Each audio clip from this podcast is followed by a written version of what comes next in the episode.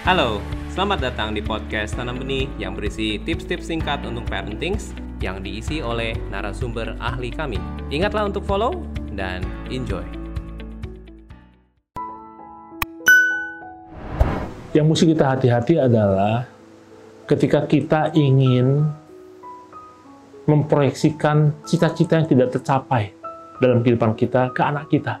Misalnya, saya dulu pengen jadi dokter, tapi nggak bisa Wah, maka saya paksa anak saya untuk ah, harus mau jadi dokter. Wah, ya, itu jadi uh, saya pengen jadi misalnya pilot dulu nggak bisa. Wah, maka anak itu ya di, dipaksa untuk mengikuti kemauan kita supaya uh, sepertinya ya cita-cita kita yang tidak tersampai itu lalu bisa diwujudkan sama anak. Itu mesti kita hati-hati. Yang kedua, tuntutan di masyarakat yang tidak perlu kita ikuti. Contoh ya, karena anak temennya itu dari pagi sekolah lalu sore Senin les apa Selasa les apa. Oh semua di les ya. Oh, les yang tentang akademisnya les musiknya les berenangnya les bahasanya les macam-macam.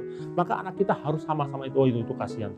Sekedar kita pengen dilihat bahwa kita bisa melakukan seperti orang lain lakukan. Itu bahaya juga. Jadi jangan kita lalu melakukan hal-hal yang akhirnya anak-anak melakukan dengan dengan apa ya dengan berat hati ya bukan akhirnya proses belajar tidak menjadi lagi kebutuhan fun. Proses belajar menjadi tekanan buat mereka. Itu yang kita mesti waspadai. Jadi ada ada berbagai macam ya. Jadi ada anak-anak yang kemudian akhirnya menjadi anak-anak yang memang punya skill yang banyak tapi tingkat kebahagiaannya rendah.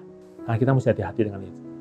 Jadi mari kita mulai melihat bahwa ada anak-anak yang punya sepertinya pencapaian akademisnya tinggi luar biasa gitu ya. Lalu uh, punya skill yang banyak gitu ya. Tapi kok anak itu menjadi cenderung pendiam gitu ya. Nah, itu kita mesti hati-hati. Atau juga kita menciptakan anak-anak yang akhirnya menjadi perfeksionis. Wah, akhirnya apa ya? Jadi dia harus terus menah, mempertahankan level-levelnya itu ya. Sehingga ketika dia jatuh sedikit aja muncul depresi yang dengan mudah. Ini mesti kita hati-hati juga. Jadi level of happiness-nya nanti rendah dia. Lalu apa yang terjadi kalau level happiness rendah? Cara dia bergaulnya juga jadi susah nanti. Ya, banyak orang tua ketika anaknya kecil itu pokoknya nggak boleh bergaul, belajar sama.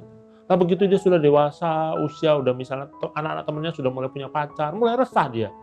Wah anak saya kok nggak pacar-pacaran ya? Dulu waktu kecil nggak boleh main, nggak boleh apa, nggak punya skill dia, sosial skillnya nggak ada dia. Itu yang kita mesti hati-hati bahwa ada dampaknya pada kehidupan anak itu. Dari segi misalnya ya, bagaimana dia mulai melihat dunia sekelilingnya ya dan bagaimana dia melihat dirinya terutama itu yang yang saya yang kita mesti hati-hati lah bagaimana dia melihat dirinya.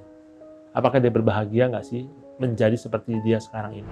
Saksikan terus tanam benih dengan video-videonya dengan pengajaran-pengajarannya yang bisa menjadi sumber yang berguna bagi kita semua sebagai orang tua di tengah kehidupan yang tidak mudah ini. Anda baru saja memperluas pengetahuan parenting Anda. Follow podcast Tanah Benih di Spotify untuk terus mendapatkan update pengetahuan parenting. Mari bersama-sama menjadi orang tua yang lebih baik untuk generasi bangsa yang lebih baik.